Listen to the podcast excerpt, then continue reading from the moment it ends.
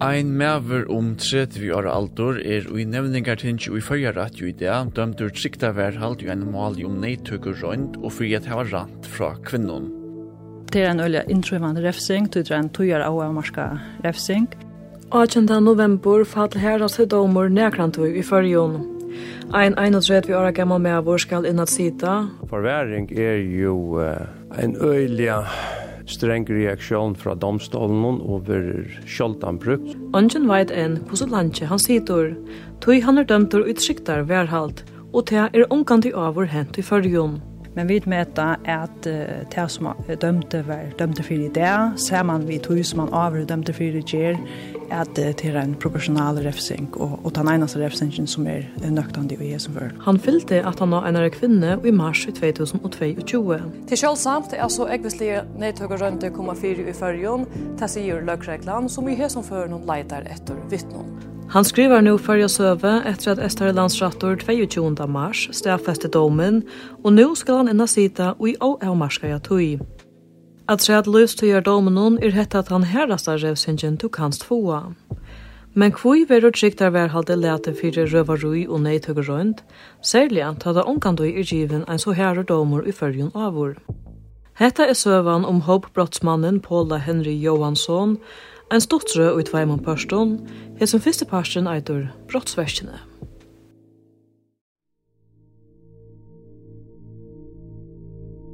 Og så følger jeg bare at uh, hjertjen og kjolen kommer over, som skumpa over til viks. Og så tenker jeg som tre skritt imot meg og smulter glas ned i veien som er stande. Vi byrja vi en nøytøkkerønt og i fjør, som de fleste helst minnast. Stort fra eknon huson kommer en medvår rennande at han fyrer henne og leiper av henne. Han byrjar så att skrytja i nylonsockar og ta upp till henne i sinne till cykelkjørs. Røtten to høyrer her er ein tja bare. Vi sier ikkje meira om hennara samleika, men hon heiter bara, og hetta er hennara søva. Ja, men det blir jeg som er kvöld som jeg glett meg utrolig nekv til. Dette var første kvöld jeg faktisk får ut. Og det var min aller beste vimmaver som skulle til halda fjørdjøra føringar det, og korona var akkurat avlust, så det skulle bare være et ordentlig honade kvöld. Det byrja jeg som et festlet kvöld vi ödlån som her til høyrer. Da klokkan er blevet cirka halvgån tru, så sier vinkona til meg at hun byrja få seg til høtte, og at hun gjerne vil slippe heim. Og jeg husker at jeg skal jo opp morgenen etter, så Så tar färger på reisene. Så vi fylltjast så og genka nian etter uh, Torskøte. Og her lekkja vi mest til her er utrolig roleidje. Ølja nekv ung folk, nekv fotl folk, og politier er og virka nok så kaotisk. Og vi færa så nyan i Steinatun, og her finner vinkene som er så en taxabil, og spyr om jeg ikke bare skal komme vi og ta takk. Nei takk, tog jeg at uh, mer damer utrolig vel at uh, genka heim ur byen. Særlig at det vekker godt. Mm. Det er også en sånn deilig avslutning på kvöldet. Man får friska luft og du vet. Ja, så tar jeg det. Lykke som jeg pleier.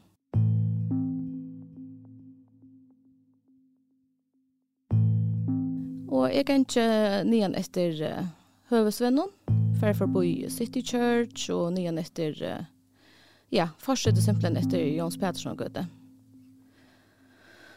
Og jeg legger ikke mest til nækka, jeg legger bare mest til at, at det er nek folk, altså nek, onker gonger framme for meg, og onker gonger hinner, hinner søyn jeg ved noen, og ja, ja, og så jo langer nye man kommer, onker dreier, dreier, og man etter, eller, ja, Og da jeg så kom til, til Grønlandsveien, så dreier jeg nyan etter.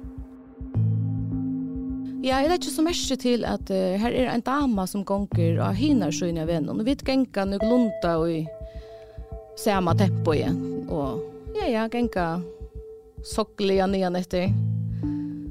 Uh, tatt oss opp ut til Svalbardsfevren, så blir det blod sin tungt, brekkan inn blir ølja brøtt ta er det henne nere damen, hun kommer over om veien og overhaler meg. Så det eneste jeg husker om til den damen som kommer fremme for meg. Vi vet ikke bare. Så er det at uh, jeg uh, endelig er nærkest uh, til gøtene her jeg bygger vi i.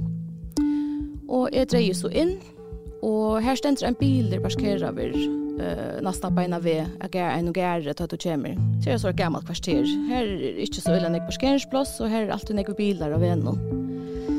Eh men akra akra hetta vikskifte er öljan nek folk borststött. Så her stände faktisk bära his ner den ene bilen. og jeg må svinka som forboi han. for at uh, for att slipper forboi Og da jeg så kom til hus, uh, cirka, jeg fer forboi i hus nummer 3, og nærkjøst kom til hus nummer 5 ta er det at jeg høyre at onkur kommer, onkur kommer rennende at han fyrer meg. Og, og nok så tungt skritt, og det kommer tattere og tattere. Og ja, jeg var veldig så hitja, hitja atter om økslene, for jeg som vet hva, hva skjer, hva, hva er dette for noe. Så så jeg bare at, at det er en maver, han har maskeret seg, Eh så typ är egen ja någon öliga myrsklatter och ja, så tar han vi på av en örmon runt om mig. Och jeg ble så klöck och började skälta och spyrja kvart vad sker och vad vad görs du släpp mer och og så följer bara att hjärtsen och kjolen kommer över, som skumpa över til viks, etla, og pum, øks, på pum, akkurat som økslene, hinne økslene. Mian han helt fast i meg, uh, vid i ene armen, så jeg sa at jeg ikke skal råpe. Ta er det at han, uh, jeg halte han blir sinter uh, forbausa over på omkring mata til at jeg er jo i kjøkkensikt og neilasokken, og jeg halte han blir sinter forbausa over at jeg er neilasokker. Han börjar så att skrytja i nylonsockar och ta upp det henne när det är cykelkörs. Men han mäknar så att um, simpelt en skrya ett störst hål i sockaboxarna. Och ta er det uh, det gå upp för mig vad, hva det er det som är över en seg. At Att han atlar att, att ni tackar med.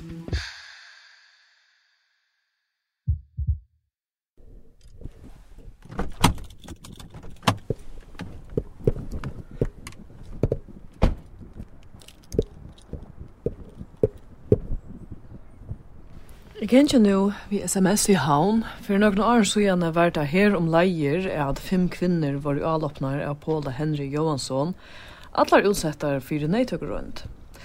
Men søvan byrjar ikke her.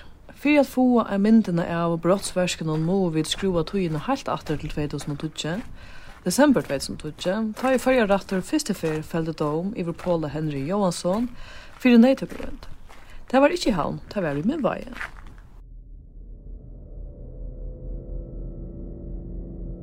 Leierkvalde 12. desember i 2009 var en kvinna til gonge i mittlen huset med vaje.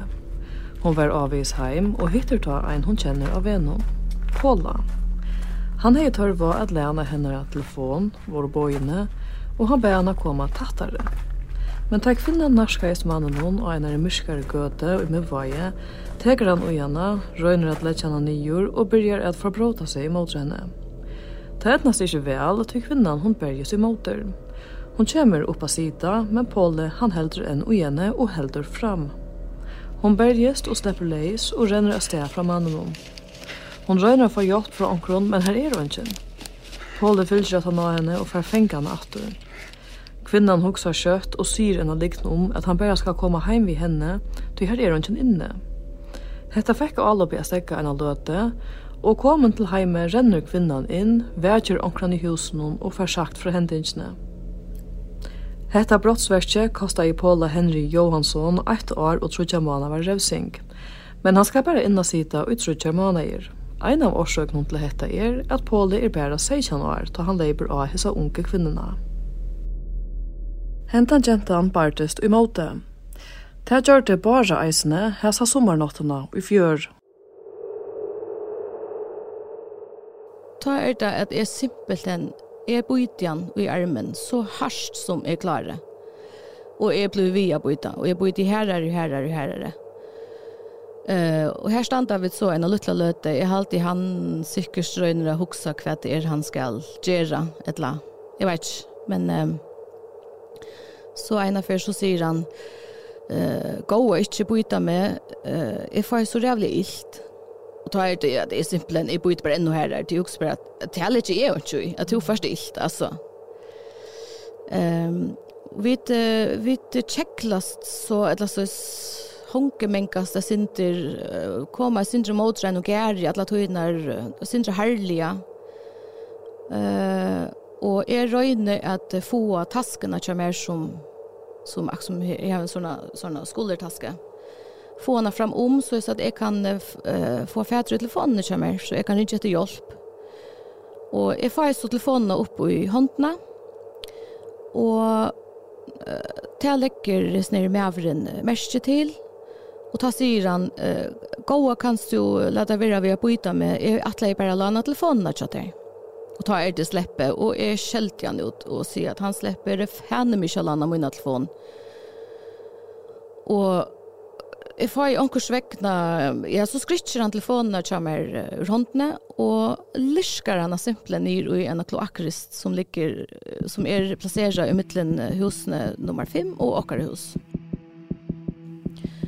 Og jeg er simpelthen rasende, og jeg røyner at knyan i skrittet, Og tar det så at jeg venter frem etter, og, og ja, og av ødlån alve får jeg simpelt en råpa hjelp enn tver trutja fernar.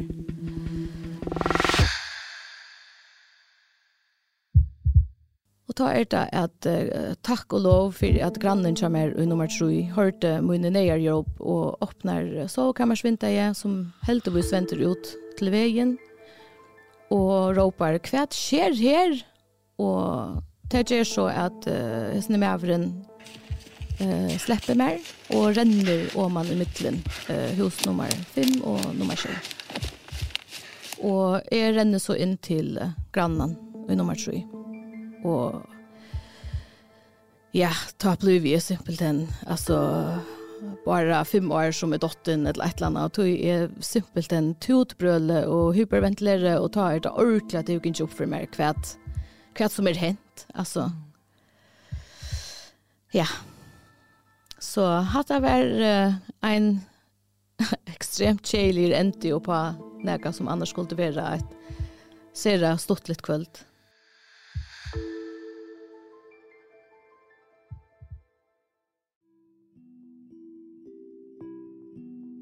Bara og grannen får ringt etter løksreglene som er skjått av steget. Men Bara just illa vi ta hon høyre bøyene fra løkreglfolkene. Og de sier så faktisk på en av veien at um, de har vært værhånd av hver som er ned. Og altså, ta blir vi simpelen i øyene, til at altså, kvært og i himmelses navnet gjør en såren med av leiser av gøtene. Altså, det blir slett ikke til. Så de visste på en av veien, de hadde jo hatt for en ildgrunn på en av veien om hver det var som ja, har gjort det der. Ja, det hadde de. Ja Ta sast eisni attur i sjálva malen. Tui ta gingo bæra nekra fuar løtur fra hesar i hentingsne i Vesterboinon i Havn, til løgreklan hei fenga mannen vi bøyde mersinon av armenon, og gjennom busse av vei slovonar her han ta bøyr. Te visste hver det skulle leita, og te visste hver han vær. Tu de høyde haft luknande mal om håpbrottsmannen Paula Henry Johansson avur. Vi skruva tøyina atter til 2013, ta i fyrja rattor fyrir ærefer skal taka støvu til brottsversk tja Henry Johansson. Og i februar i 2013 verður atter felder domur i mannen i fyrja rattet, Hesa fer eitur domurin 4 år og 11 månader fångselsrevsing. Nú hevur hann ikki bara gjørt sína eina kvinne, han hever ta fram framt misbrot imot fem kvinnon, her han hever rønt at nei tidsi ter, og søvnar lújast neftetui fra 2008. Vi Gundadalshøllene i haun, vi SMS og Torskøte, vi Vierlundna og Ærastene i haun, hever med avren gjørs i inna kvinnor og røynt at nei tidsi etla framt annan kinslian avgang mot daimon. Hetta helt av i flere år, medan løkreglan leita i telefonøydes etter hesen Hopes brottsmannen Og det som domaren ikkje veit, ta i handfeller dom i fyrra malen i 2012, er at ta hever mevren gjør seg inn og eina æra kvinne framan undan. Tui og i meira omfattande domen i 2013 veru maveren funnen segur og at heva seg inn og eina kvinne, alai et halvt år 18 at han veru funnen segur i malen i mivaie. Han verður sendur til Danmarkar a sita hendan sætna dómen, men sleppur, som sigur er, utdator åren alt tujarskai er færre, og så er attu gale i 2020. Mæveren verður ta funnen segur i enn flere kinslegum brottsverskon og i modra einari kvinne, og hetta for fram i september i 2019. Mæveren verður ta dømtur i tvei år og trutjar manavar. Nú er vi kommet opp av tjei kvinner som har vært i avloppnar av hesun mannenom.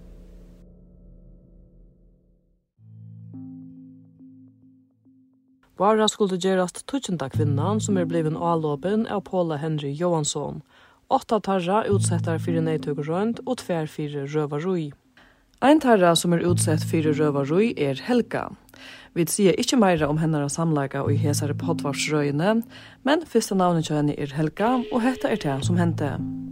Stand jeg i egen skikk og veldig ordentlig og forskrikt og sier vi men det var ikke litt steg, altså jag har berättat för tisdagarna från mig och jag bara ordentligt og behärlig. Hennar uppleving lyckas du ikke bare. Hon var avvis heim etter en bytur stått på hundre ålasøke i 2019. Ja, bestemmer meg så fyrir at det er et fattelig er gengje bare. Det er jo bare banter og det er jo kjem mot å genge lagt skjørt.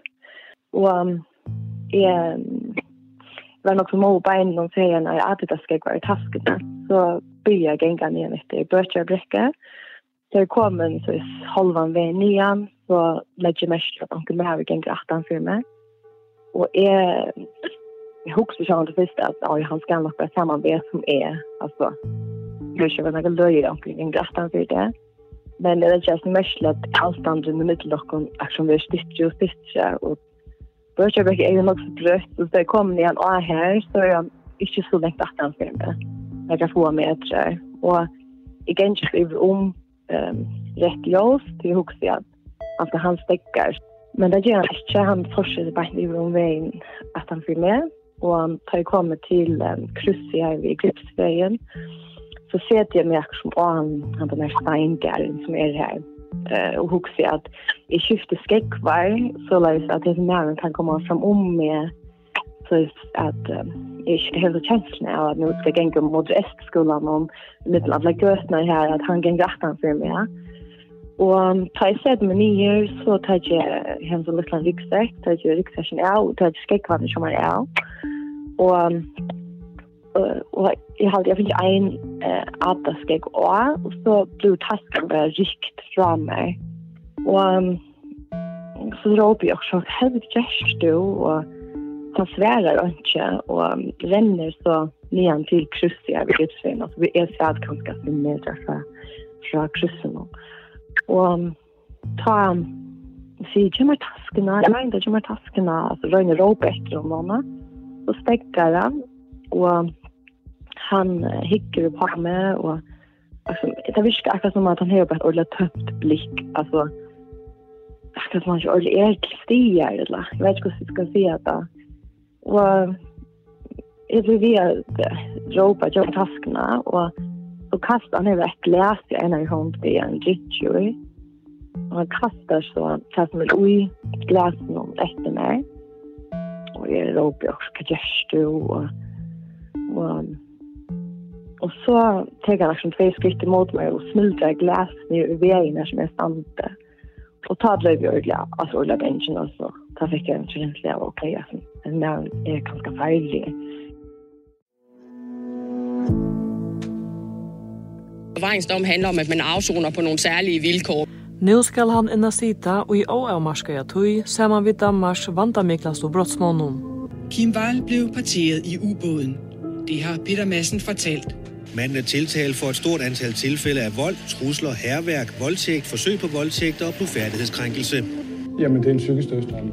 Det er en psykisk dødsdom. Tu hever lusta etter stuttrøyene førja vandamiglase brottsmævor tja frihetsbrevet. Og i øron parste høyra vid meira om mannen handan brottsversjene, og om kjenslene ter boar bara og helga sida vi i det. Og i sendingene heva vi hørt bråd fra deg og vike og utvarspenon, og bråd fra TV2. Tånleggen og i sendingene hever Thomas Arendt Gjørst, og jeg, Barbara Holm, hever lagt til rattes.